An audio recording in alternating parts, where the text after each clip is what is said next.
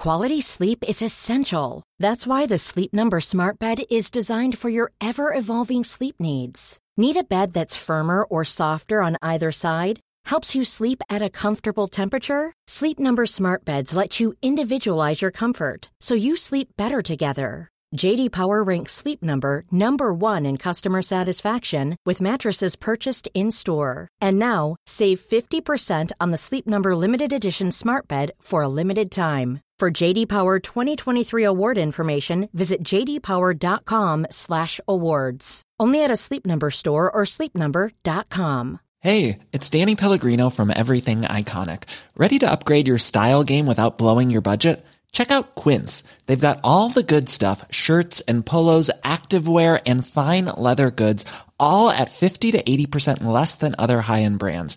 And the best part? They're all about safe, ethical and responsible manufacturing. Get that luxury vibe without the luxury price tag. Hit up quince.com slash upgrade for free shipping and 365 day returns on your next order. That's quince.com slash upgrade. Hallå! Simon Gärdenfors heter jag.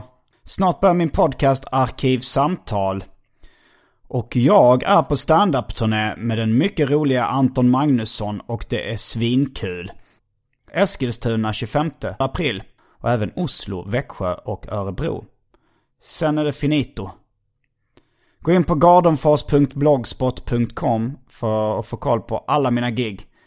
Och bidra också gärna med några dollar till den här podden på patreon.com arkivsamtal. Men om du är luspank så kan du väl åtminstone följa mig på Instagram. Där heter jag atgardenfors. Men nu kommer Arkivsamtal. Som klipps av Marcus Blomgren. Mycket nöje.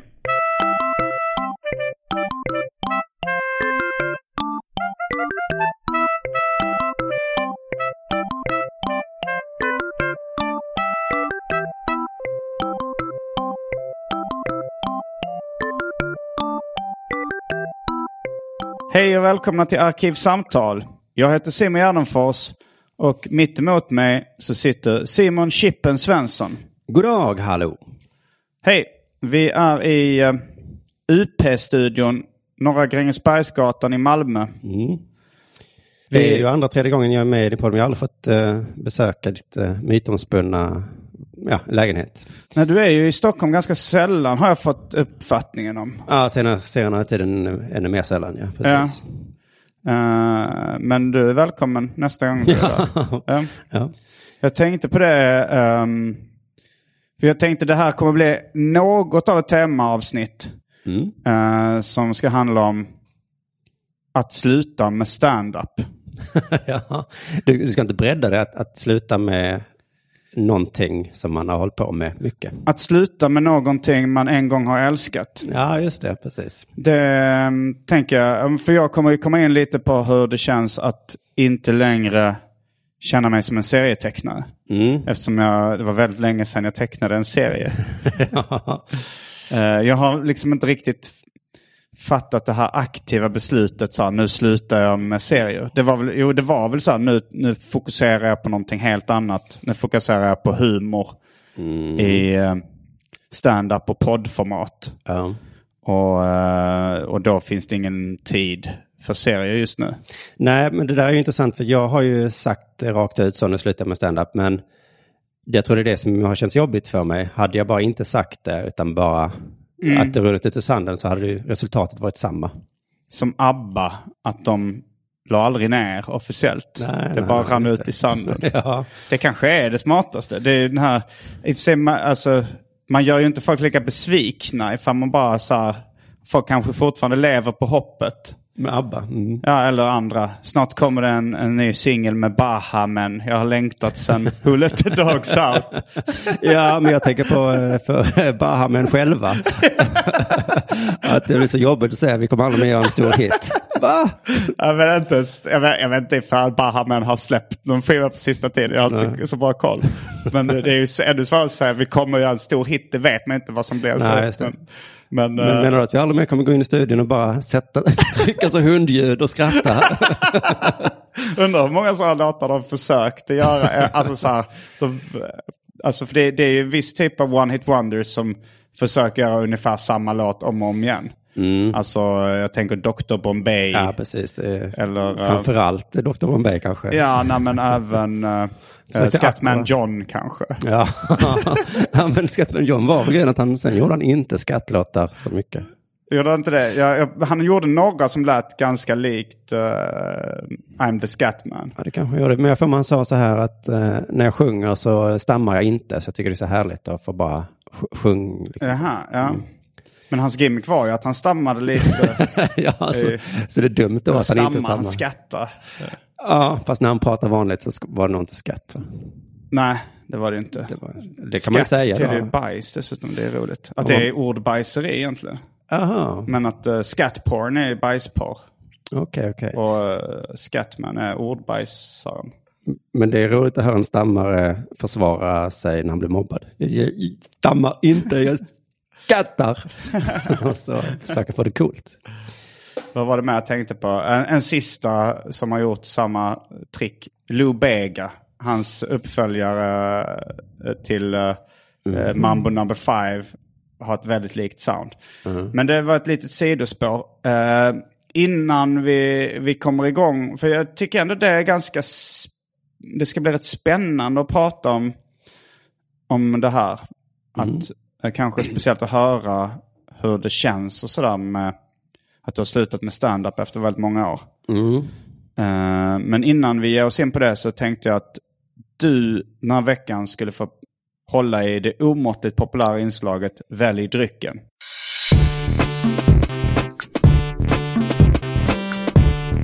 Jag tror vi börjar Välj drycken!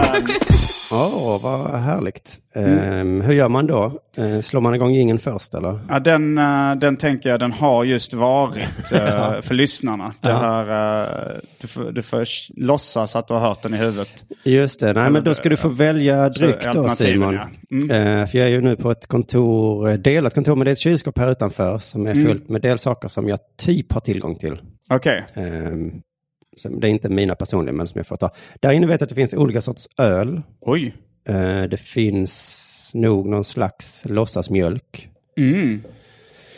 Eh, och det är nog allt. Sen så har jag gjort kaffe eh, och så finns det ju då, för tråkmånsar och nej-sägare, så finns det också vatten. Oh. Mm. Det smakar lite konstigt det vattnet, men det finns. Ja, det var bra, bra Om hållt är- i väl drycken tycker Om jag. du är lite hungrig så finns det ju att jag har slutat äta matlunch. Jag äter bara pulvermat till lunch. Så att då kan man då blanda ut vattnet med det pulvret. Och så blir det som en eh, frukost eh, då kan, kan man säga. Ja. Det är fortfarande en dryck. Men, Ja, faktiskt, alltså klockan är nu, eh, vi började spela in 10 på morgonen. mm. Eh, så kaffe är det jag kommer välja. Och jag har redan ätit frukost eh, hemma hos min mamma. Mhm. Mackor. Mammas mackor. Ja men all right, då, eh, då går vi ut och ser hur kaffet blev. Då. Vad väljer du? Jag kommer också välja kaffe. Jag får se om jag kommer eh, lägga till någonting till beställningen. Vi Ja, kan ju det- kolla i det- kylskåpet och se om vi blir sugna. Har du någon aning om vad, vad det du just sa? Vad det, vad det kommer bli för inslag? Nej, vad menar du? Det är, det är ett, eh, ett inslag som inte har funnits jättelänge i Arkivsamtal, men ett återkommande inslag som vi kallar Europas sämsta cliffhang.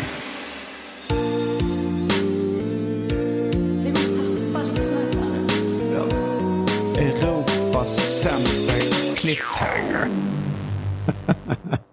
Ja, ja, ja, ja. ja. Vad kommer Simon Chippen Svensson eventuellt lägga till till sitt Lägga kaffe? till till kaffe. Ja. Det ska vi rycka av skynket från Europas sämsta cliffhanger och så är vi snart tillbaks med dryckerna kända från det omåttligt populära inslaget Välj drycken. Häng med!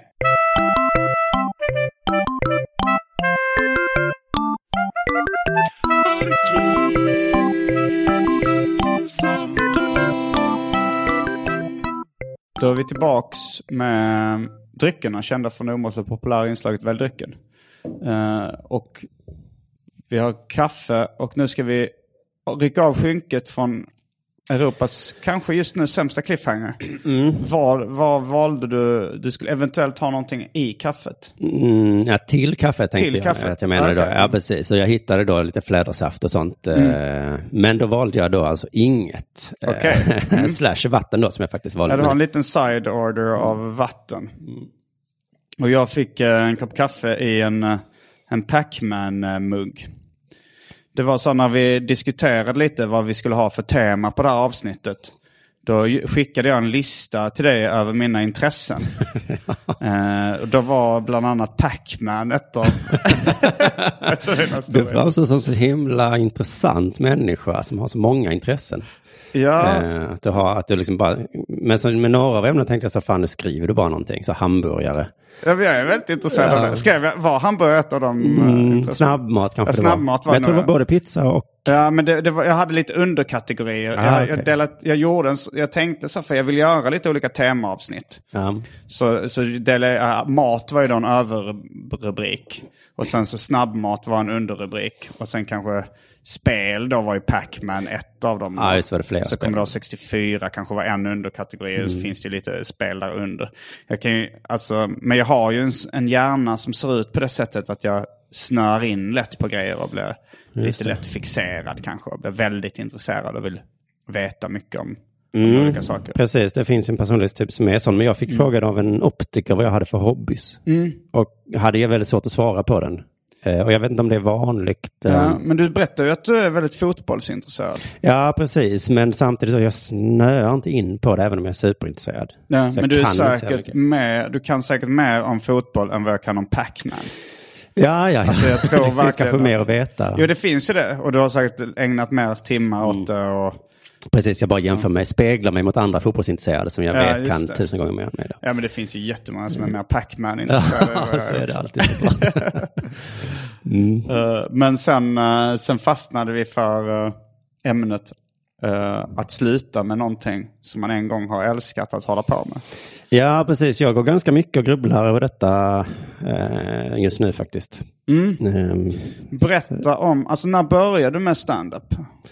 Ja, tj- eh, 2004 Så började det så smått. hur många år är det? Om Du det nu är 18 så är det ju 14 år sedan då. 14 år. Mm.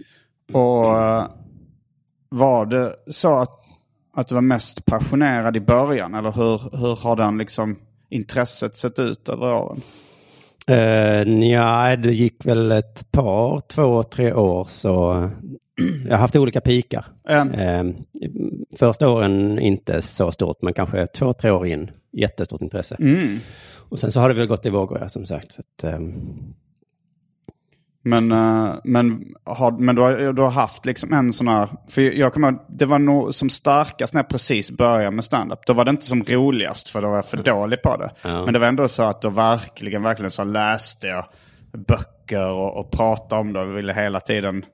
mm, Och jag har ju liksom, jag, det, har, det har mattats av pyttelite för mig med stand-up just. Alltså så här, jag, jag tycker fortfarande det är roligt men det, det går lite mer på, nu går det lite mer på rutin liksom. Att man går upp och kör och får nya skämt och sådär. Det, precis, och då, då är det lite mindre roligt när det är så. Men när jag, Jag började så, så fanns det ju inte så många att prata med. nej, Det var bara jag och Jesper Rönndahl som hade Mm. gjort det en gång i Malmö. Då. vi pratar mycket om den gången. Ja, och sen så, eh, ja men det fanns väl lite annat, men det fanns inte så många att prata med och jag började inte, jag hade väl inte fattat att det, att det fanns såklart böcker, men jag var inte där riktigt än. Jag kollade inte på så mycket än, men det var ju sen jag fattade att, ja men man kan ju lära sig också. Det tog ett par år för mig. Så. Jaha, du, alltså man kan lära sig att bli bra. Ja, men man kan plugga då. Ja, ja. Ja. Eh, annars så tänkte jag bara man lär sig genom att hålla på med det. Ja, men, men det är ju säkert det bästa sättet egentligen.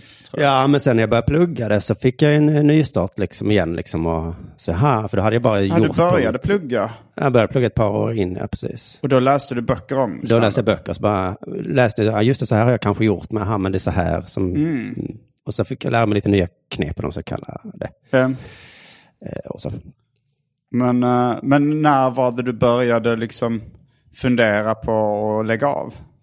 ja, det var ju nu höstas eh, 2017. Eh, Du hade inte, innan dess hade du inte haft någonsin en tanke på att sluta? Eh, nej, det var kanske i somras eh, som jag började tycka att när jag var ute på turné med Under jordgänget, Mm. eh, som jag fick en, det var nog första gången jag fick den här känslan att fan jag är ute på turné med de roligaste jag vet Mm. ungefär. Jag, vill inte, jag, kan, jag skulle kunna byta ut någon men det skulle inte kunna bli bättre liksom. Mm. Och ändå skrattar jag inte så mycket. Nej. Ehm, för det har jag alltid gjort innan. Uh, först tänkte jag, här är mina kollegor, de kanske har lite sämre skämt i år. Men sen insåg jag att nej, men det är inte det. Utan jag bara är lite uh, trögare. Och sen så började under jordhösten. Alltså du är lite trögare? Ja, att jag bara, det, eh, det blir ingen skrattreflex i mig längre. Liksom. Är det, låter lite som en depression. Alltså så Ja. att man inte längre skrattar åt det man tyckte var roligt innan. ja, precis. Men det är ju, men jag kunde skratta åt andra saker. Okej, Eh, liksom. vad skrattar du åt? Uh, Ja, men om jag lyssnar på... barn sa gulliga saker. Nej, men jag kollar på eh, humor på tv och så. Ja, okej, ja. och, eh, eh, så det är inte humor generellt jag är trött på. Eh, men det minns var någon gång jag slutade, jag höll på jättemycket, vi pratade om det innan vi började, eh, om sketcher.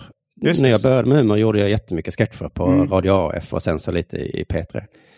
Och sen minns jag tydligt när det liksom blev sånt himla stopp. Det bara, jag står Mm. inte ut med sketch längre.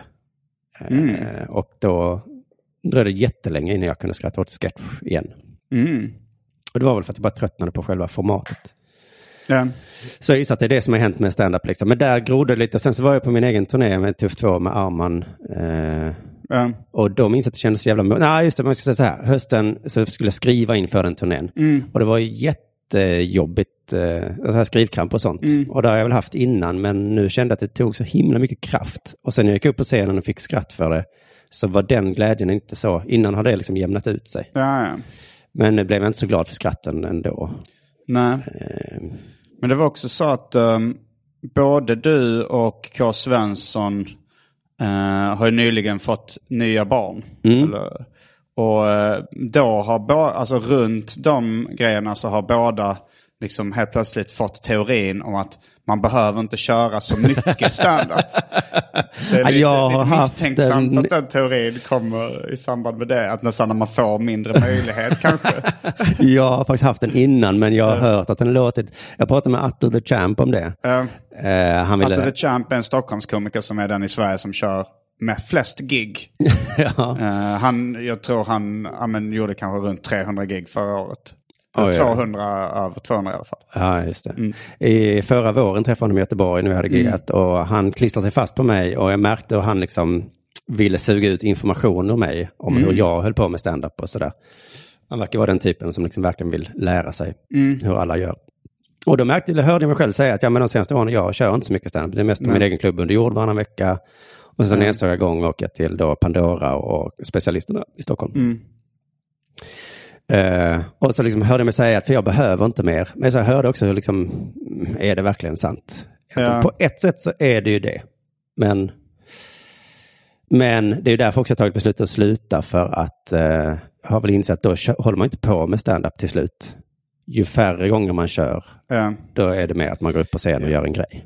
Och jag tycker, alltså jag har hört eh, den teorin om att man inte behöver köra så mycket från, alltså inte bara dig och K. Svensson utan även från Moa Svan och lite andra. Och jag ser, alltså det blir ju, folk kan ju ha talang i alla fall men man märker ju att, att det hade blivit bättre ifall folk hade eh, övat mer.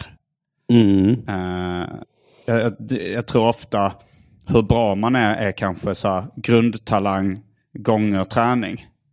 Ja, Så om du har liksom en, en nia i grundtalang så behöver du bara träna lite för att bli, då kan du träna väldigt lite och bli bättre än folk som har lite talang men som övar jättemycket. Men de allra bästa är nog de som har väldigt mycket talang och övar väldigt mycket. ja men det svåra, svårigheten är ju att stå ut med det. Eh, för jag har väl den personligheten att jag står inte ut med att dra samma skämt för många gånger. Eh, och att jag faktiskt blir, jag kommer dra det sämre om jag har dragit det för Ja. många gånger. Så att då har jag den kurvan att till slut, att jag kan inte liksom träna för mycket på. På det. Nej. Men det är också det att eh, skriva mycket nytt och testa mycket nytt så att man inte behöver säga samma skämt så mycket. Det är också en Då övar man på det, ja precis. Ja. Eh, och så. Men jag började, det var ju eh, flera år sedan som jag egentligen slutade hålla på på gratisklubbar och sånt. Mm. För jag kände det var, inte, det var inte roligt längre. Det tyckte jag var jättekul ett tag. Ja. Stå och kolla på dåliga komiker Mm. och ja, stå och vänta på min tur och kanske uppträda för en eh, trött, tråkig publik. Liksom. Ja. Sen insåg jag att det här tyckte jag är kul, så slutade jag med det. Och sen så, ja, då var det samma veva som vi startade under jord. Och då behövde jag inte det, för då hade jag den som min träningsplan. Liksom. Fast det var bara en gång i veckan eller varannan vecka? Ja, varannan vecka så kunde jag fylla på med lite andra roliga klubbar. Men jag behövde, jag liksom skalade av de tråkiga, inom citationstecken, klubbarna. Nej men det var också precis när jag började med stand-up så, så åkte jag till uh, Västerås uh, uh, humorfestival. Västerås Comedy Festival tillsammans med Anders Selin som han, uh, han hade, jag hade gått en endagskurs i stand-up hos honom. Och han, vi båda skulle uppträda då på uh, Västerås Comedy Festival. Och jag, min teori liksom med, med stand-up, alltså jag tänkte så om man går på en, alltså innan jag började med stand-up själv och innan jag hade hållit på så länge så, så tyckte jag det var så om man går på en, en pub, liksom, någon, någon sunkpub och det kommer upp ett band där och spelar. Då är det ganska tråkigt att höra lite så här, liksom blues och rockcovers. Liksom.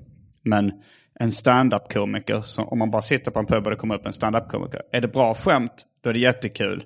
Är det dåliga skämt, då tycker jag också det blev kul. För att så, oj, alltså det blir, då blir det ofrivilligt kul att det är någon som går upp och drar jättedåliga skämt. Så jag, jag var, jag, det var verkligen hedgade bets för mig när jag kollade på stand-up. Att det, det, var, det var kul, kul i vilket fall som helst, även om det var bra eller dåligt. Ja, jag kan få en sån varm känsla i kroppen att jag minns de här tiderna när det var så jävla ball. Jag tyckte det var skithärligt att gå på sådana klubbar. Eh, roliga komiker, roligt. Eh, mindre roliga var tråkiga. Jag kunde till och med få inspiration av tråkiga Ja. komiker. Eh, Jag för mig du sa någon gång att du brukade så här, var det du som berättade att du hade en liten lek? Du lekte med dig själv att du skulle försöka räkna ut punchlinen när du hörde setupen på dåliga komiker. eh, ja, det är möjligt. Eh, Men, det låter inte som jag egentligen. Nej, det kanske var någon Nej, annan. Det låter som en joffig person. Ja, det är inte omöjligt. Men, ehm, men då så kommer jag ihåg att då hade de en sån tävling som hette liksom Västerås roligaste. Mm. Och, eh, och jag sa då till Anders Selin, oj jag måste se det här. Det, för att det var, det var ju liksom usla komiker. Var det bara västeråsare? Ja, det var bara västeråsare det var en tävling om vem som var roligast västeråsare. Och han sa, och hans reaktion var, oj vad ny du är på standup. Att, att du fortfarande tycker det är roligt att se riktigt usla komiker. Ja. Eh, och då kommer jag ihåg, jag, jag kommer fortfarande ihåg att jag liksom njöt verkligen. Men det var väl också den känslan av att jag kände mig inte speciellt bra på stand-up. Då var det skönt att se folk som var ännu sämre så jag kunde känna mig bra. Liksom. Just det. Ehm, precis, men det är en av de första grejerna som släpper och sen så, men... jag Ja, tror- nu tycker jag inte det är roligt längre att se eh, dåliga komiker. Det, Men för jag kände sen när jag bara- en, men inte, inte 20 minuters dåliga komiker. Nej, precis. Och kanske en hel liksom, kväll. Man ska stå där i två timmar och sen ser man själv sist. Eh, Och sen speciellt om man, jag ju, när jag går så mycket, jag kör ju nu, jag, jag, vissa perioder har jag kört kanske fem gig i veckan liksom. Ganska ofta. Och då så blir det att jag sett alla komikernas skämt, även de sämsta.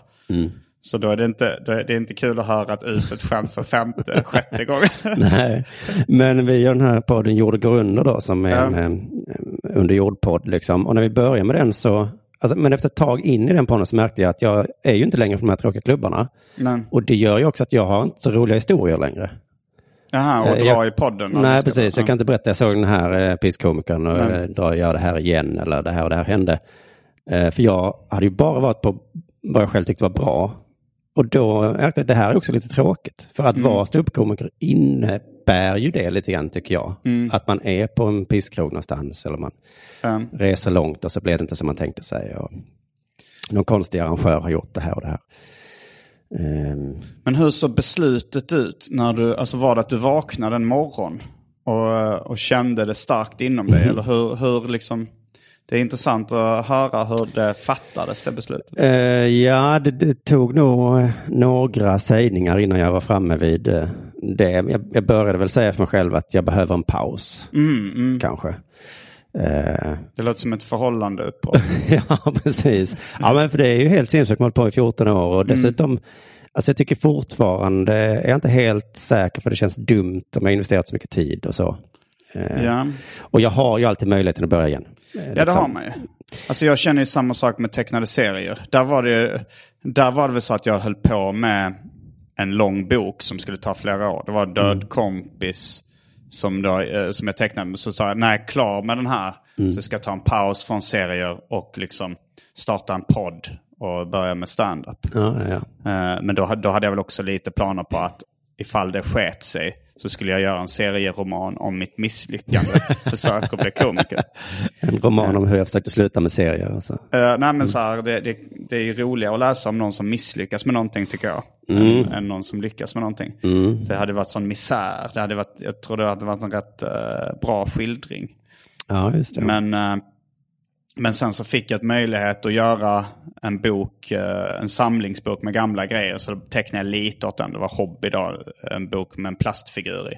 Men då hade jag liksom egentligen ja, egentligen slutat med serier. Men sen, nu har jag nog liksom inte...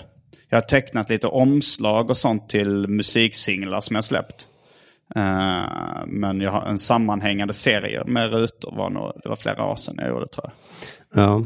Och det känns, alltså på ett sätt så är det ju... Det är ju ett identitetsproblem tycker jag lite. Mm. Det är det. Jag slutade med Sveriges Radio en gång. ju. Ehm, Det var mitt drömjobb. Och sen så gjorde jag ju Pang och Tankesmedjan och Morgonpasset och lite sånt. Ja. Och sen fick jag känslan, nej, det här går inte längre, jag måste sluta. Du tyckte inte det var roligt längre? Nej, jag tänkte att jag gör ju bara samma grejer hela tiden. Liksom. Eh, Jag får ingen ny känn- tändning liksom. Eh, Så jag var en av de som inte lasades ut när jag sa till chefen att jag måste sluta. Men efter jag hade tagit det beslutet då och så, jag får inte gå dit längre. Fan vad jobbigt det var ett tag liksom. Varför gjorde jag det här liksom? Och såg Du mina kompisar dig i då. viss mån, eller? Ja, på ett sätt så vis ångrar jag mig. Jag såg mina kompisar hade jätteroligt helt plötsligt. Tankesmedjan fick ett ny eh, tändning liksom Ja. och det blev roligt igen.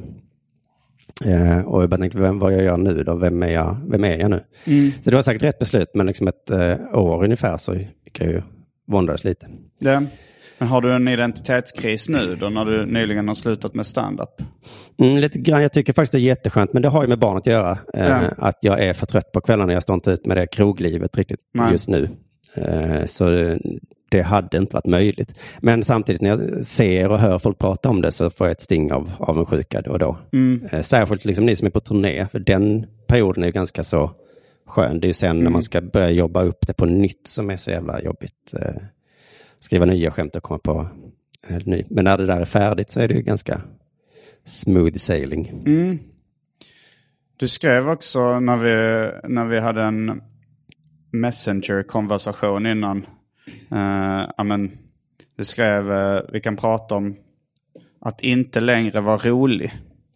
Ja, just det. Det hörde ju ihop, eh, kände jag när jag skrev det egentligen. Hörde ihop med att sluta med stand-up. Att det är personlighetskrisen hos mig då som blir, är jag inte längre den roliga typen nu? Liksom.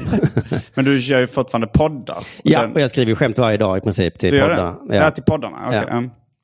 Mm. Så att egentligen så är det roligt, men jag får inte den eh, ja, skrattet. Liksom. Eh, Nej. eh, det kan ju komma fram folk och bla bla bla. Ja, den krisen fick jag när jag började med stand-up. det var faktiskt så. För att alltså jag, jag såg mig sj- själv som den roliga typen.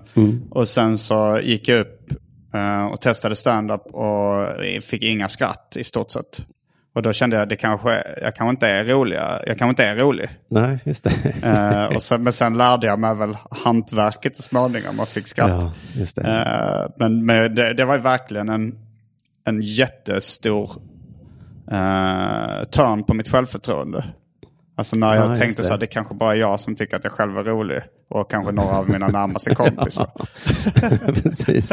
Men för jag har nog alltid tänkt att visst, man kan vara rolig i tv, man kan vara rolig i radio, men Mm. ställ dig på en scen och försök vara rolig. Alltså, det är det som egentligen avgör om du är rolig eller inte. Eh, Mm, Inför en alltså- live publik. Ja, för du kan ta på dig en eh, peruk och du kan liksom härma, härma en kändis eh, eller göra en sketch från ett tv-program.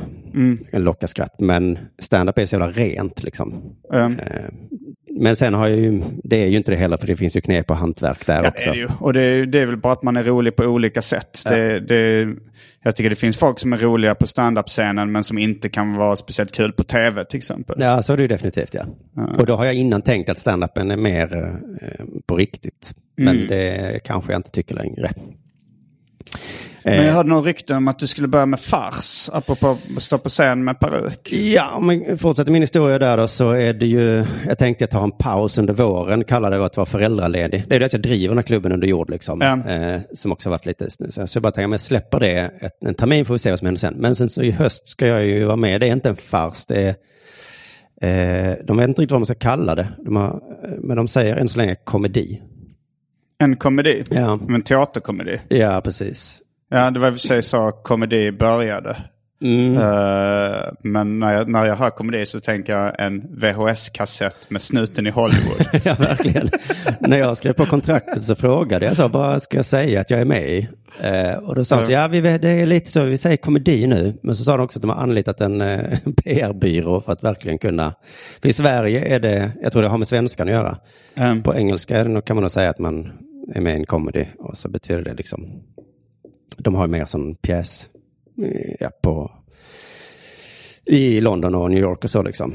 Ja, Broadway shows är man väl kanske. Ja, precis. Ja, och vad det nu heter i London då. Ja. Men den här komedin då är ju en översättning av en superkänd eh, komedi som liksom har jättegott renommé och så. så den är, Vad heter den? Den heter The Play That Goes Wrong.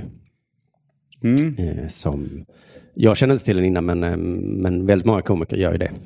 Eh, ja, nej jag känner inte till den heller. Men jag tycker det är ett roligt namn. Det är en sån, en, en sån nästan Snakes on a plane beskrivning. Att man beskriver liksom premissen väldigt tydligt. Ja, Något som gick eh, fel. jag har sett en 10 minuters version på YouTube som, som ligger där och det, är liksom, det går inte att värja sig. Det är skitroligt. Liksom. Mm. Eh, ja, du vet, dekor trillar och man glömmer sin replik. Och, Jo. Eh, Men samtidigt så är det väl lite det här PR-byråns uppgift är väl som jag fördomsfullt säger det att okej vi måste täcka över ordet fars för det har, för, det har förknippats med för mycket negativt. Ja, precis. Ah. Man skulle kunna tänka sig en rolig fars egentligen. ju. Ja, ja, alltså själva formatet är väl, det är väl en komisk pjäs. Fast man, man associerar det väldigt mycket. Alltså jag hade ju den... Eh, alltså stand-up hade ju ganska mycket den Ja, eh, det. billig töntstämpeln. Alltså eh, tidigare. Och har nog det i ganska mångas ögon fortfarande. Mm. Eh, men, men frågan är, alltså ja, musikal och sånt.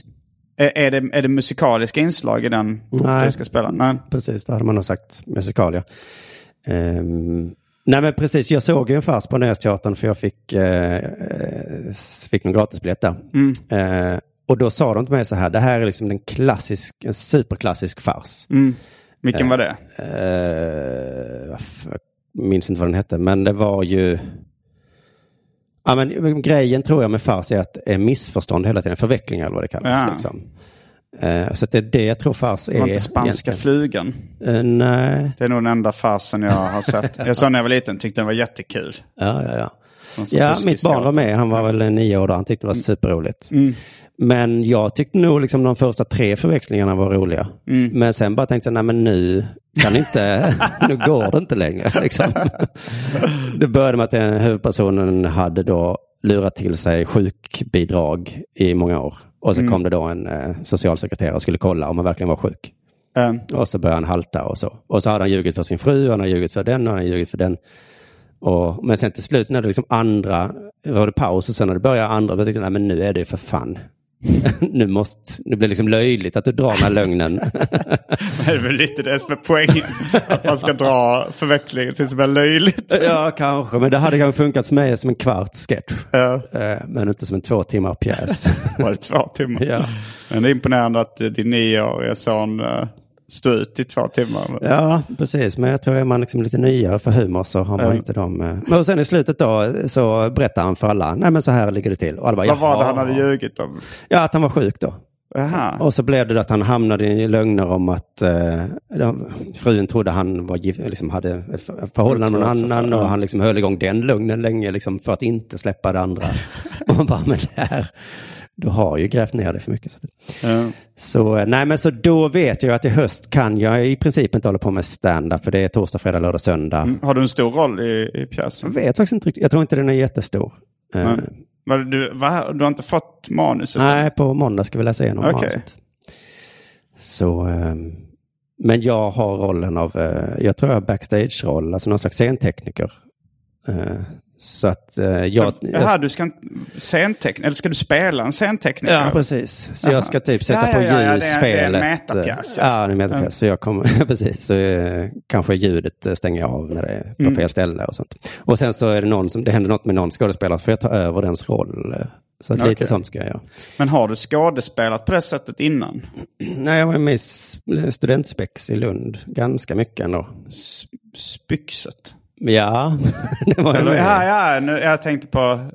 Ja, okay. Det är ju Spikens, eh, hö- gymnasiespexet. Det är det. Och sen var du med i det riktiga universitets... Ja. Luarda-spexet. Eller vad det Selling a little or a lot? Shopify helps you do your thing however you cha-ching. Shopify is the global commerce platform that helps you sell at every stage of your business. From the launch your online shop stage to the first real life store stage, all the way to the did we just hit a million orders stage. Shopify is there to help you grow. Shopify helps you turn browsers into buyers with the internet's best converting checkout. 36% better on average compared to other leading commerce platforms because businesses that grow grow with Shopify. Get a $1 per month trial period at shopify.com slash work. shopify.com slash work. Planning for your next trip?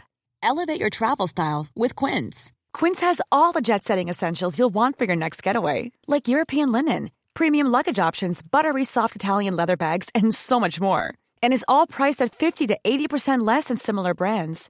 Plus, Quince only works with factories that use safe and ethical manufacturing practices. Pack your bags with high-quality essentials you'll be wearing for vacations to come with Quince. Go to quince.com slash pack for free shipping and 365-day returns. One size fits all seemed like a good idea for clothes Nice dress. Uh, it's a it's a t-shirt. until you tried it on. Same goes for your healthcare. That's why United Healthcare offers a variety of flexible, budget friendly coverage for medical, vision, dental, and more. So, whether you're between jobs, coming off a parent's plan, or even missed open enrollment, you can find the plan that fits you best. Find out more about United Healthcare coverage at uh1.com. That's uh1.com. Ja, det heter Lundaspex. Just det var inte med. Lundaspex, Jag var med i medicinernas Toddy-spex, men nästan lika stort då. Mm. Eh, och jag tror att det finns likheter. Ja, men likheten är att man liksom repar i ganska länge tills man kan allt perfekt och sen så, så gör man samma pjäs flera gånger i rad. Eh, Så lite, jag känner inte att jag var så himla bra på det bara. Så nu hoppas jag att jag ska kunna, nu har jag Sven Melander som eh, regissör. Så jag, det ska bli Mm, väldigt spännande att se om jag kan lära mig nya, nya grejer och sånt. men han är väl eh, sjuk? Han har väl cancer? Ja, han har cancer men han är på väg tillbaka. Jaha, det var... eh, jag trodde han var nära för räkning. Ja, det, senaste nyhetsartikeln var att, han, eh, att det var en god, eh, det har lyckats med eh, de här medicinerna. Okej, vad bra. Ja. Ja, han är ju väldigt trevlig. Han har varit gäst i Arkivsamtal innan också. Mm. Han verkar, eh, verkar rolig att jobba med. Han kan ha sagt, sagt att han kan bli jätte, jätte arg. så vi får se. Kan han bli jättearg? Ja, tydligen. Mm. Ja, det låter inte så kul. Nej. Men, eh, men hur känner du? Alltså, ha- har du en identitetskris just nu? Eller, eh, eller alltså det här med att ha slutat med stand-up och vet inte riktigt hur du ska se på dig själv. Ja, alltså Eller jag har ju en så himla bra grund i att jag gör Della Monde flera gånger i veckan. Just det. Och lite andra poddar. Så att jag har ju en ganska, alltså jag har nog alltid egentligen tänkt mig som rolig radio. Mm. Eh, också, förutom då stand-upen. Men de flesta jag känner nu är liksom ståuppare så som pratar mycket stand-up och så. Så Mm. att jag känner mig lite så, okej, är inte jag det längre verkligen? Nej. Nej, Jag har, Nej, jag, jag har lite svårt att släppa taget. Jag, jag tycker jag ser mig lite som ståuppare fortfarande. Men, eh, som komiker kan du se dig som liksom, poddkomiker. ja, någonting. någon slags, precis. Eh, nej men så jag, även eh, som rappare så är det liksom, jag rappar ju lite fortfarande. Jag släpper, jag har släppt låten Det är Vesslan hyfsat nyligen. Jag har släppt Mm. kanske tre, fyra låtar i år redan. Men, Ja, men det är så. också en, ehm, det är också på något sätt, det, det var också någon liksom identitetskris som jag såg eh, komma åkandes eh, framför mig. Också för att eh, jag tänkte att jag, kan, jag var 35 ungefär när jag liksom började med stand-up. Ja. Och då, mm, och då var det också att jag tänkte att det kommer vara svårt att vara rappare som 50-åring. Men det kommer vara ganska lätt att vara komiker som 50-åring. Mm. Alltså det, Det är lättare att vara komiker som 50 år, men jag, jag tror känner... det. Det är ja. bara att jag har, jag har en bild. Alltså det, det är nog Det mest finns en, ju inte så många i världen egentligen som är lite äldre. som är stand-up-komiker. För jag tänkte på det nu när jag slutade, att det, att det är en liten ålderskris jag har kanske. Mm. Att jag tycker stand-up är tråkigare. Jag tycker det är lite fjantigt. eh, att skämten... Du kom på det efter 14 år. Är inte det här lite fjantigt? Eh, Jag vill säga också att det har svämmat in så många tråkiga komiker nu så att jag bara känner inte igen mig i branschen längre. Men det är Mm. också en sån som jag gissar hänt, händer med alla. Liksom, att plötsligt när jag började så var stand-up på ett visst sätt. Ja. Nu är det på ett lite annat sätt. Och har jag då svårt att navigera in i det så känner jag mig utanför. Liksom. Mm, mm. Ja, det är många fler som håller på nu. Eh, Men jag ser ändå när man kollar på gammal stand-up så tycker jag att det var inte speciellt kul. Utan jag tycker det är fler roliga nu som håller på som är aktiva. Eh, Så är det nog fortfarande. Men det, Men men så- det, är det- så, har jag väl känt, men så tror jag alla känner om man håller på med någonting. Ja, det tror jag eh, också. Speciellt alltså folk som är, många som är min ålder som liksom har lyssnat på rap sen de var, de tycker så här, den nya rappen, det är inte bra, allting låter likadant. Ja. det är klassiker, man vet ju. Man Ja. vet ju med sig någonstans att ja, det, det tyckte folk om, om rap när vi höll på också som mest. Liksom, att, och, Men sådär riktigt gamla ståuppare är ju bara ett, liksom, verkligen handfull. Sådär att man säger, åh den där tanten som, som dog nyligen från USA. Jag, kommer, jag kan ju ingen namn. Joan Rivers. Ja, kanske det. Det var så att hon var ju väldigt speciell. Och, Mm. och George Carlin och sådär. Det är inte, de riktigt gamla, stand-up är ju fortfarande så unga, tuffa, ofta killar som liksom har något jävla driv liksom. Att de som är störst menar? Eller de som Ja, är... de är flest. Eh, alltså ju Ja. äldre man blir så tror jag det är svårt att ha kvar det där eh, aktiva drivet, att man brinner för någonting. Ja, som ju stand-up mycket handlar om egentligen. Och om det inte handlar om det, att det är enkla liksom, ordvitsar och korta skämt, då tror jag fan man liksom lite får slut på det efter ett tag. Det kanske är så inom allt i stort sett. Alltså så här, även om du är en företagsledare eller någon så här businessman så kanske man har liksom ett, ett större driv och större ork en, Ja. fram till en viss ålder. Ja. Det, är det, är ofta, det är väl därför folk pensionerar sig vid, vid 65. För att man inte orkar längre. nej, men, Det- nej. Eh, nej, och det behöver inte bara vara fysisk ork, nej. Utan, Nej, nej. utan snarare, ja men nu, för, jag, för det här med att jag fått barn spelar ju verkligen in. Att Ja. jag tycker det är lite skönt nu också att lägga mer tid på att vara mysig. Mm. Och hemma och så liksom. Jo, det har jag funderat på om, om man kan gå in för det på samma sätt. Att vara så en riktigt bra förälder. Liksom. Att, man, att, Mm. om, att det blir en, eh, en passion eller om det blir liksom ett specialintresse på det sättet.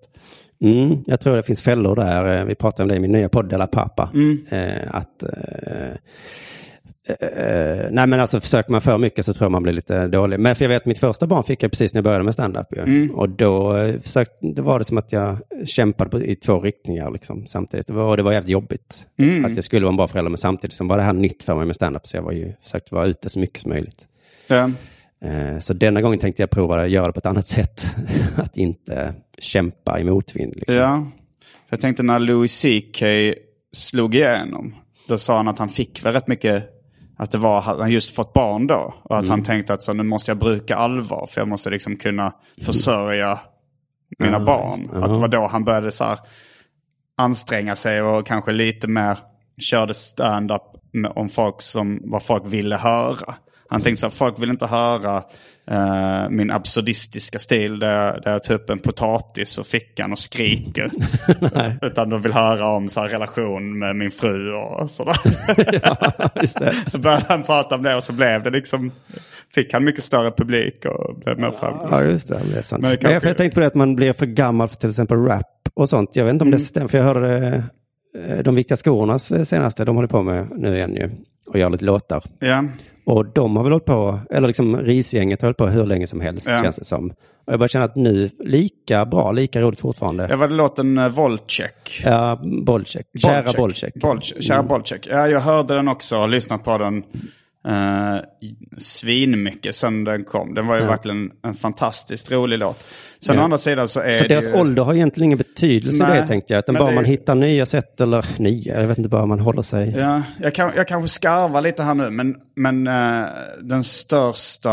mm, Den största kvaliteten i den låten tycker jag ändå är humorn. Liksom. Mm. Jag tycker att de, eh, och min teori om att man kan åldras eh, på ett mycket bättre sätt som komiker än som, som rappare. Alltså det är kanske inte att soundet låter fräscht och, och, och att, att man tänker Alltså så här, det, det är mer en, en sketch i rapformat eller uh, humor i rapformat. Precis, men det har väl deras grej och egentligen din Ja, grej det också alltid egentligen alltid varit inom varit. rap. Ja.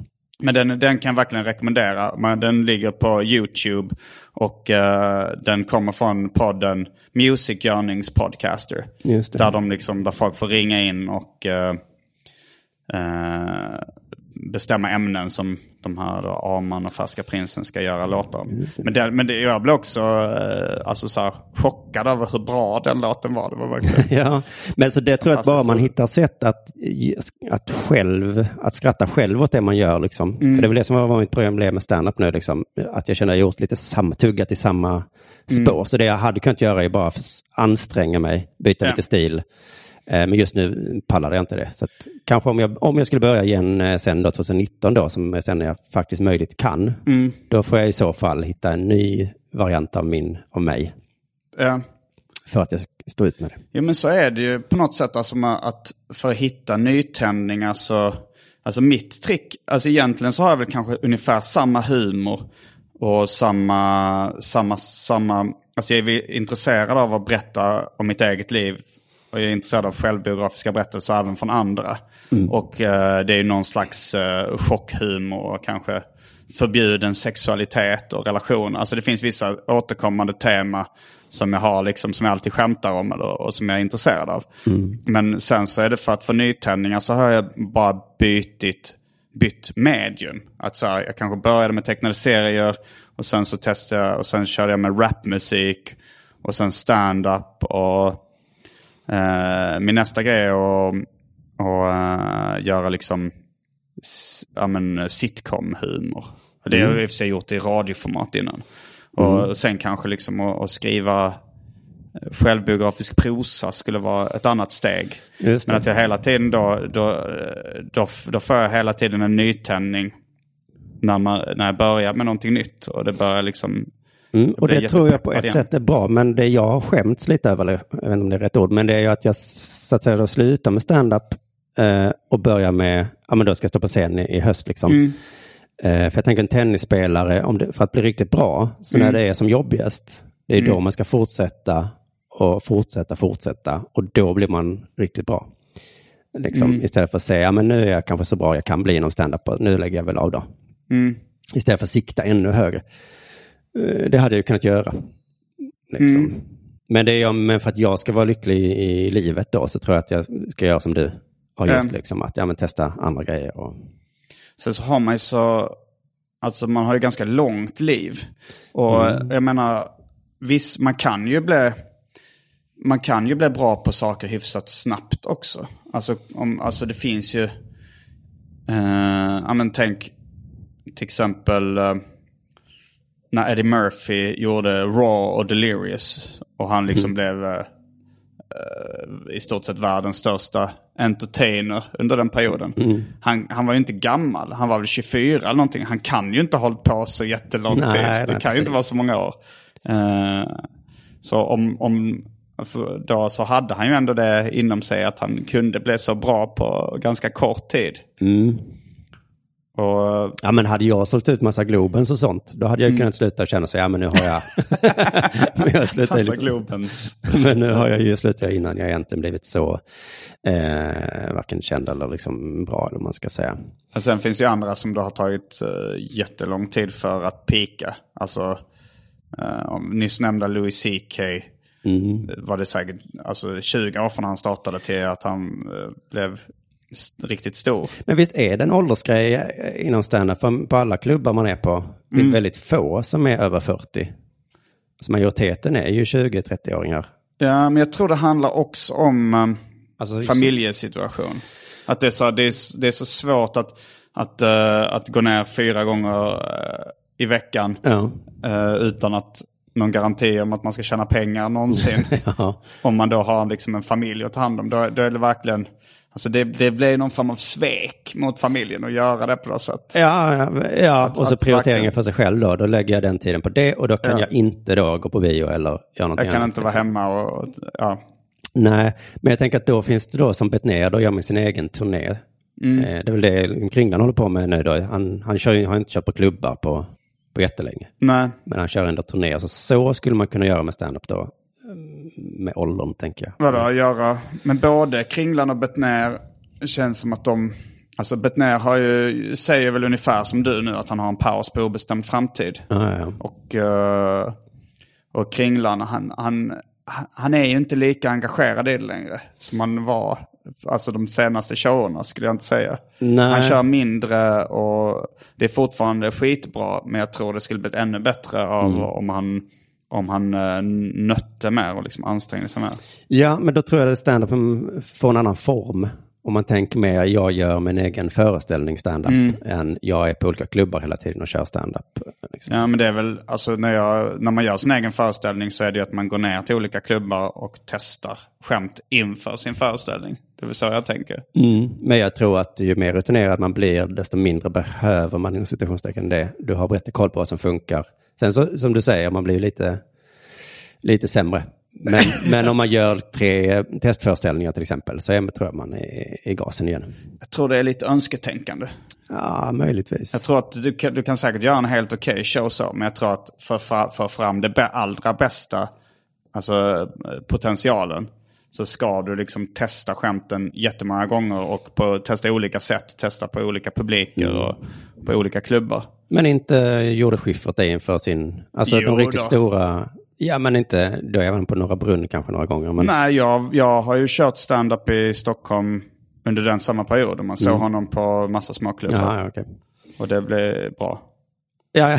Ja, ja, men, det, men han slipade väldigt mycket. Han var nere för liksom för 15-20 pers sådana småklubbar. bara, Och så, hörde man, så märkte man att bara okej, nu håller han på att slipa det här samurajsvärdet. Liksom bara så, okej, det är bara, han har ändrat det här meningen och lagt till en liten grej där. Så bara. Precis, men det är kanske det som är åldersgrejen eller tjäna pengar-grejen då. Att om jag skulle göra det eller, eh, då så måste jag ha det målet liksom. Jag ska göra en stor show, vi ska göra en turné. Då kan jag i ett halvårs tid eh, gå ner och testa och köra. Men det här pågående harvandet, eh, liksom. Ja, men utan- jag, jag har väl också, alltså jag ganska tidigt bestämt mig för att, för jag behöver också jobba eh, mot ett tydligt mål. Som när jag tecknade serier så var det liksom, nu ska jag göra en bok eller ett album liksom. Så är det att jag jobbar inför det. Då är, då är det mycket lättare att bli motiverad. Men så hade jag också med, redan när jag började med stand-up var så jag, jag vill göra en egen timme. Som jag ska kunna turnera med. Och så går man ner och testar skämt och så liksom, okej det här nu har jag tillräckligt mycket material för att, som funkar liksom inför en publik. Så det var hela tiden var det som var målet. Liksom. Okej, nu testar jag minst ett nytt skämt varje gång jag är på en gratisklubb. Och sen eh, skriver jag hela tiden skämt.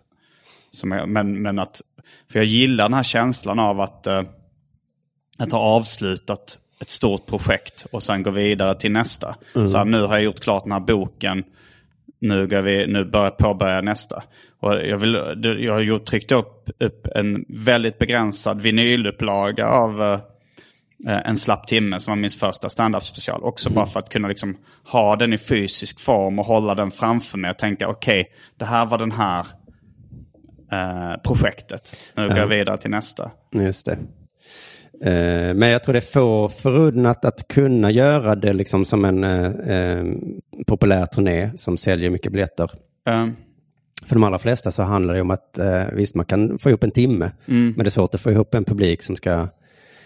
Jo, jo, om, det är mycket svårare om man inte kan försörja sig på det. Nej. Men då om jag, ifall jag hade haft, eh, ifall jag haft en mindre publik så hade jag nog ändå liksom siktat på att göra en stand-up-skiva. Ja, och sen släpper man den så får den få så mycket lyssningar som det bara går. Men, och sen går man vidare till nästa. Liksom. Mm. Så, så finns det också lite eh, mindre komiker som gör. Mm. Men jag minns att jag älskade tiden när jag inte hade sådana mål, utan bara var ner och körde och allting var bara... Det var livet liksom, som jag, eller det var det som var stand-up. Men en livsstil. Ja, precis. Och det var... eh, Och det var så himla roligt, så den glädjen saknar jag nu. Så därför så tänker jag att jag kommer nog inte vara en sån stupare i alla fall. Nej. Eh, någon variant kanske. Men just som serietecknare så har jag lite en sån här en tanke på att jag någon gång kommer återvända till det. Så nu har jag inte tecknat på flera år. Men, men jag ser mig själv som så här, eh, alltså som en 70-åring som sitter på en kammare och tecknar serier. Alltså för det, det är en sån stillsam eh, stillsam hobby eller yrkesverksamhet. Så man kan sitta och det, det är ganska mysigt. Det, nu som ändå att man är, off- hyfsat smidig i kroppen och sånt. Då kan vara uppe på scener och, och åka runt och göra grejer. Och det, det är roligast. Det är, det, det är ju, alltså den där eh, stillsamma grejen är ju eh, kul till en viss gräns på något sätt. Sen så blir, känns det lite trist att hela, hela tiden sitta inomhus och sitta stilla. Ja, just det. Vi är rastlösa, både du och jag. Ja. Behöver nya kickar hela Ja. tiden. Liksom. För när jag fick gå på eh, P3 så var det ju min dröm. Jag bara tänkte, fan vad fett att kunna sitta på ett kontor och vara rolig. Eh, så. Men Ja. sen så när jag gjorde Tankesmedjan och det var program varje dag liksom. Det tog ett halvår innan jag bara kände, att, fan, är det bara detta? är det Tror inte du, mer? tror du du kommer tröttna på samma sätt på poddar? Det är ju egentligen samma yrke, radiopratare liksom. Ja, det är inte samma yrke. Det, men det Jag sa är... du att det inte var samma yrke? Jo, på ett sätt är det Ja. det. Men eh, ja, jag har ju en känsla av att jag kommer få samma, eh, att det kommer en punkt en dag när jag känner att jag måste sluta. Men just med Della Mond som jag har hållit på med nu i tre år är fortfarande väldigt roligt varje gång. Eh, så där ser jag inte det framför mig just nu, men en dag kanske. Eh, men, men du hade också en liten lös tanke på att kanske återvända till stand-up och börja med det igen. Ja, precis. Men det jag vet i bakhuvudet är att om när 2019 februari så är den pjäsen slut. Eh, då kommer jag vara så jävla ringrostig. Eh, men ska du göra det även om du inte är sugen eller ska du bara göra det om du känner för det? Nej, men det får nog bli om det är ett hål i min kropp, eller vad heter det, hål som jag måste fylla. Ja. Eh, Men det kan om jag ha, jag tror ju att om man slutar med någonting så Mm. kommer den känslan av att vilja göra det igen bara eh, stagnera. Att jag, nej men det där var något jag höll på med. Det är nu det som är jag hänger jobbigast. inte med nu. Vad sa du? Om man slutar göra någonting så Ja, men när kommer... jag slutade med skateboard till exempel så Ja. var det ju som eh, jobbigast precis början när jag bara, jaha, vad fan håller jag inte på med detta längre? Varför slutade du med skateboard? Jag fick lite för ont i kroppen. Och så. Ja, det förstår ja, jag. egentligen samma grej, jag fick inte samma glädje när jag gjorde Ah, ollie okej, längre. jag kände jag kan göra ollie nu, men jag, ja, innan var det kul, nu är det inte lika kul. Men nu för tiden så har jag inte det i huvudet längre, liksom, att åka skateboard. Nej. Så det tror jag kan bli samma med stand-up. Att, eh, Ja, ja, att du inte saknar det för att Nej. du inte har det i huvudet. Men jag tänkte på det när, eh, när jag, jag gjorde då den senaste raplåten jag släppte, Det är Vesslan. Då, då, då rimmar jag mycket på så här flerstaviga rim. Eh, det var väl, ja men, eh, jag vet inte, vad blev det? tegelvägg. Ja, det var trestaviga rim. Så här, tegelvägg, sedelpress. Och sen så, så kollade jag lite namn som var, eh, som var liksom samma EEE-struktur. Och det var så här Edel, Edelfelt. Så var det så här Inger Edelfelt. Så kommer jag ihåg, ja, min mamma hade ett, eh, ett seriealbum av Inger Edelfelt. och så tänkte jag, ja, men då kan jag lägga in det. Så, men hon, är, hon tecknar inte serier längre. Så, så skrev jag in att jag är före detta serietecknare som Inger Edelfelt. ja. Eh, och, och det, Härlig referens. Ja, det är en väldigt smal referens. Eh, men, då, men det kändes ändå, alltså det, det högg till lite i bröstet när jag skrev det och när jag spelade in det och när jag hörde att jag säger att jag är före detta serietecknare. Och det var en gammal kompis, Fredrik Jonsson, min, min, förle, min liksom gamla förläggare också, som, som tog upp det med mig senast när jag träffade honom häromdagen. Att jag hade sagt att jag är före detta serietecknare. För det är så här... eh, Ja, men eh, jag, jag fattar verkligen det. Att det är nästan som att, att inte kanske, om man har varit kristen hela livet och sen så säger jag är inte längre kristen. Eller sådär, liksom att det är en ganska stor grej att, eh, att bara lämna. Och att det, det är verkligen att, eh, ja, men jag träffar mina gamla serietecknarkompisar och, eh, och jag, jag är, vi har fortfarande liksom kul ihop och pratar och så här, men det kändes som en konstig känsla att inte längre vara serietecknare, att inte längre se mig själv som det. Nej, och du är ju fortfarande ung. Jag tänker mina föräldrar som är pensionerade. Jag är liksom. fortfarande ung. Jämfört med gamla. Men min eh, mamma då, hon är inte längre lärare. Och jag, när, när hon slutade med det fick jag en sån känsla, shit det kommer en punkt i mitt liv när jag liksom är för gammal för vad det nu kan vara. Och Mm. det finns ingen chans jag kommer börja med det igen. Eh, men som för henne, hon kommer aldrig bli lärare igen liksom. Utan, och det är ju för att hon snart ska dö. och, och det gäller väl bara att acceptera den livsstrukturen. Men det är något som är så dramatiskt i eh, ordkombinationen inte längre, tycker jag. Alltså jag läste en japansk roman som hette Inte längre människa. jag kommer inte ihåg. eh, Det är eh, svårt att inte längre vara. Ja, kommer, men, men det, det var nog något känslomässigt symboliskt. Ja. Jag kommer inte ihåg exakt eh, varför han inte, författaren inte... Det var en väldigt bra bok som jag kan rekommendera. Men jag kommer inte ihåg varför han inte längre kände sig som människa. Men, eh, men, men jag, jag kommer ihåg att titeln kändes så pass dramatisk. Jag kommer ihåg att eh, när nu att eh, både min mormor och morfar och farmor och farfar är döda. Att jag då tänkte, jag är inte längre barnbarn. Nej. och att det var också kändes så lite dramatiskt. Ja. Precis, och vissa saker känns ju skönt liksom eh, sådär. Man kanske någon gång tänker nu kan man inte längre gå på klubb. Kanske någon eh, tidig period, eh, period i sitt liv. De bara så här, förr var jag en klubbare. Men nu så jag, är jag för gammal. Mm. Det har liksom. nog aldrig haft en sån identitet. Eh, Nej, men jag kommer kom på sådana tydliga, men man går inte längre i skolan då till exempel. Det är ju- Inte längre elev. Och man, eh, nu tycker jag det är superskönt att inte längre gå i högstadiet. Men jag minns att jag då tänkte så här, just fan nu är det bakom mig bara. Får jag inte göra om. Uh, nej, men just men det här att inte längre gå på klubb, det kan jag förstå. Uh, känslan av också. Alltså jag kommer ihåg, jag hörde eh, Chris Rock hade en stand-up-rutin om... alltså så här, han, det var väl lite fram och tillbaka som det var han, för och nackdelar med att vara i ett fast förhållande. Och vara, liksom, och vara gift eller vara i en relation. Och hans, eh, hans eh, liksom starkaste argument för sig själv att vara i en relation var You don't want to be the old guy at the club. Det, det kunde jag relatera till. Var, när jag hörde den var jag kanske i, ehm, i 20-årsåldern. Och jag tänkte då så alla har sett dem. ja, alla har sett the old guy at the club och man vill inte vara the old guy at the Nej, club. av någon konstig anledning. Det är väl härligt på ett sätt. Men... Men eh, då tänkte jag också så här att eh, ja, men fram tills 30 så kan jag nog komma undan med Ja. att att leva så här lite lösaktigt. Och, och eh, inte ha, men sen, sen behöver jag nog stadga mig.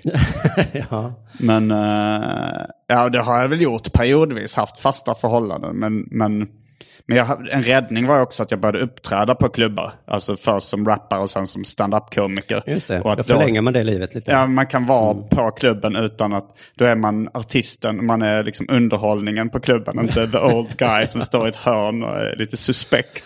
Precis, det tycker jag är det roligaste med standup nästan som jag fortfarande tycker är ganska kul. Jag, eh, att efteråt sitta kvar och dricka öl är med roliga komiker. Det Ja. började jag också tycka var lite tråkigare.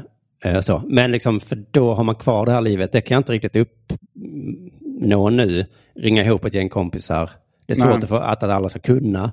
Och sen blir det inte så kul heller. Eh, vad ska vi prata om nu? Eh, då får det vara något, någon... Ja, det är fantastiskt att ha det sammanhanget. Ja, sammanhanget alltså jag, ju- jag kunde känna mig ensam innan jag började med stand-up. Alltså så här, jag kommer ihåg jag hade, jag hade dejtat en tjej i nästan fyra år. Och, så, och då var det så att jag hade ju kvar ganska mycket kompisar men, eh, men det var ändå lite så här att ah, men en vanlig söndag så hängde jag med henne liksom. Ja. Eh, och sen så hade det tagit slut och så kom jag ihåg att jag ringde runt mina kompisar och sådär. Och kanske ringde säkert runt 10 pers. Och ingen kunde liksom spontant Nej, ses det. den söndagen. Nej, Och så ringde jag liksom min äldsta barndomskompis uh, Ville. Nu Och får du bara- fan kunna. För... Nej, men jag ringde honom och han, eh, och han var så här, nej men jag, han har ju bar, han har barn liksom och, Mm. och sambo och sådär. Och då, då kom jag ihåg att jag avundades det livet. Att, ehm, Det är också ett sammanhang. Ja. att det var ett sammanhang så tydligt. Han har en tydlig uppgift i det sammanhanget. Och jag gick runt och kände mig rätt ensam och vilsen i tillvaron. Eh, men sen efter jag började med stand-up, speciellt när man bor i Stockholm, då, finns, då har du alltid ett sammanhang. Du kan gå till en stand-up-klubb, där hänger andra singelkillar och tjejer Ja. som, som har samma intresse som du. Sam, ganska samma mål och drömmar. Ja. Och liksom, det är någon slags vuxenfritidsgård och det, det, det är alltid roligt. Och du har det. alltid, det, du har alltid liksom, kan alltid gå dit. Det, Mm. det är i stort sett i Stockholm så det, ingen dag det inte är stand-up i stan liksom. Nej, nej. Och även om man inte själv kör så kan man ju gå dit och bara träffa sina kompisar och kolla lite och sen sitta och ta en kaffe eller en öl liksom. Precis. Det är... Det kan du ju fortfarande göra men det, det är inte li, du har inte riktigt lika tydligt sammanhang om du själv inte har hållit på med stand-up på ett tag. Nej, jag tänker jag skulle kunna gå till under jord till exempel, men om jag inte har kört stand-up på ett år, då kommer jag ju inte vara lite så, jaha, ja, The okej. old guy, guy at the stand-up club. Precis. För detta killen som fortfarande vill ha sammanhanget, men som faktiskt inte är. Uh, men fördetting är, är ju ett väldigt eh, starkt Negativt ord, ja. Ett starkt negativt ord. Det är nog ingen som vill vara det heller. Nej, det, precis. Det gäller att hitta nya sammanhang. Ja, men där har jag ju lite tur nu eftersom jag ska göra den här pjäsen. Mm. Jag tänker att, det ska, att jag får ett nytt sammanhang. Alltså, det ska bli superroligt. Att också inte Ja, vara... du är peppad. Du, du är så peppad inför det. Ja, framförallt också för känslan Mm. av att jag kommer inte, jag känner ingen. Eh, och jag är också nyast in i det. Liksom. Alla andra har gjort eh, liknande grejer tusen gånger. Mm. Så att jag kommer få den som, eh, innan har jag varit lite eh, typ päron på täppan, liksom. jag har hållit på, eh, inte längst, men liksom av de längsta. Mm. Och alla vet ungefär vem jag är och jag kan komma in och prata med alla. Men nu får jag liksom ställa frågor och vara, få acceptera att vara den som folk säger till, vad fan Mm. håller du på sådär? Och så. Ja. Så det ska bli väldigt eh, intressant. Och också, jag vet, jag som har gjort Spex innan, att eh, den där Spexet sa du nu. Nu sa du S-ordet. Ja, eh, så vet jag att sammanhållningen i en sån grupp blir liksom mm, superstark. Mm. Eh, på ett psykologiskt konstigt plan. Liksom. Att man, börjar, man börjar älska varandra liksom. Och sen så kanske man hatar varandra. Och sen ska man säga hej då när det är slut och då kommer det vara skitjobbigt. Mm. Och sen kommer man aldrig mer ses igen. Jo, men det är ju ganska likt eh, en romantisk relation. Även det här med det vi snackar om nu, att sluta med stand-up eller sluta med tecknade serier. Att det blir så här, eh, ja, men, känslan av att ha, att inte längre vara nära någonting man älskat passionerat. Det är en ganska dramatisk känsla tycker jag. Ja, precis. Vem, vem fan är jag? Vad gillar jag då? Mm. Så är det. Och med de eh, orden så tycker jag vi avslutar veckans avsnitt av Arkivsamtal. Ja, veckans eh, terapisession. Håll utkik efter min diktsamling Inte längre barnbarn som kommer år 2032. Jag måste göra reklam för Underjords Roast som jag faktiskt ska vara med på eh, Ja. 12 maj i Malmö. Ska roasta Jesper Röndahl. Så då gör jag ett litet eh, typ stå upp inhopp då. Men det blir ju roast, är väl ungefär som standupen. Mm. Ja, det är ju i stort sett. Så det är jag lite nervös för hur fan jag ska klara det, som inte har gjort standup innan. Men det är ju sin egen form lite grann, tänker jag. Så jag får väl hoppa in i de skorna. Men det kommer bli jävligt, Mm. Men jävligt det var ju häftigt. ganska nyligen, jag lyssnade på också, alltså du har ju även släppt skivan Tuff Tå. Mm. Och jag, lyssnade på reklamen som är två spår från den och då skrattade jag högt medan jag diskade. Ja, just Så det var, du, det, var inte, det var inte länge sedan du kunde skriva stand-up Nej, skämt precis. som man skrattar åt. Den kan jag också göra reklam för. Den har jag faktiskt lagt bakom en betalvägg. har jag valt, eh, som ligger på min Mm. eh, hemsida premium.underproduktion.se. Eh, Du skulle kunna få en, en kod så du kan få lyssna på den Mm. gratis. Men, men gå in och lyssna på den vet jag. Kostar 40 kronor. Tycker jag det kan vara värt. För Mm. kultur. Då kanske jag sparar 40 spänn. Ja, det kanske det gör. ja, jag hade, hade tänkt att köpa den någon gång. Men jag tänkte det lät krångligt att gå in. Mm. Ja. Ja. Men det är det kanske inte. ja, lite. är Det Det är krång- det är krångligare än att bara trycka play gratis. Jag Men, älskar eh, den eh, det sales pitchen. Köp min produkt, det är krångligt att komma åt den. Ja, jag jag ska inte sticka under stol med att Men det är också lite det jag försvarar mig för att jag är ute efter. Att vill du höra det så får du fan Så jävla lite. lätt ska det inte vara som att bara klicka på en Spotify längre. Nej, då kanske du inte bryr dig liksom. Betalar du, går du in där, klickar några klick och betalar så kommer du lyssna ordentligt tänker jag. Det var det eh, en, eh, en fanzinist när vi höll på med seriefanzin som eh, så var det någon som hade skickat, alltså så här, man beställer tidningen, skickar pengar hit och så skickar jag tidningen, Ja, Sätt in dem på mitt postgironummer. Så hade han inte skickat tidningen till någon läsare som hade beställt. Och så hade, hade läsaren fått svaret, så jävla enkelt ska det inte vara att få tag på min tidning. Bara skicka pengar. Nej. Ja, jag... Vi gjorde, la ju upp den här Della Pappa, en ny podd då, som också kostar 20 spänn i månaden då. Eh, många klagade på att det var svårt och då var ju vår liksom, försvarsmur så. Så ja, men eh, är du ett riktigt fan så kommer du göra det. Och jag tänkte på Apple liksom, som också, vill du ha våra produkter, då får du göra det på vårt sätt. Eh, du är kanske van vid att ska kunna öppna din dator och sätta in ett nytt grafikkort. Kan du inte nu? Vill du ha den? Ja, det vill du. Men nu har jag ansträngt mig och gjort en RSS-länk där, så nu är det ganska lätt att lyssna på Dela Pappa, även om det kostar 20 spänn. Ja. Eh, det var allt för den här veckans avsnitt av Arkivsamtal. Jag heter Simon Gärdenfors. Jag heter Simon Chippen Svensson. Fullbordat samtal.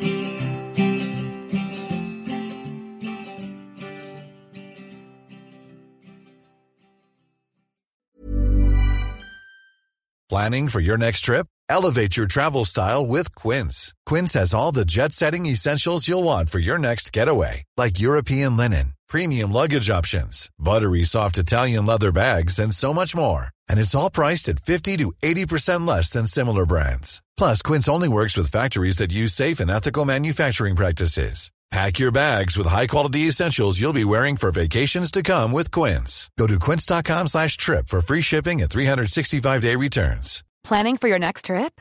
Elevate your travel style with Quince. Quince has all the jet setting essentials you'll want for your next getaway, like European linen, premium luggage options, buttery soft Italian leather bags, and so much more. And is all priced at 50 to 80% less than similar brands. Plus, Quince only works with factories that use safe and ethical manufacturing practices.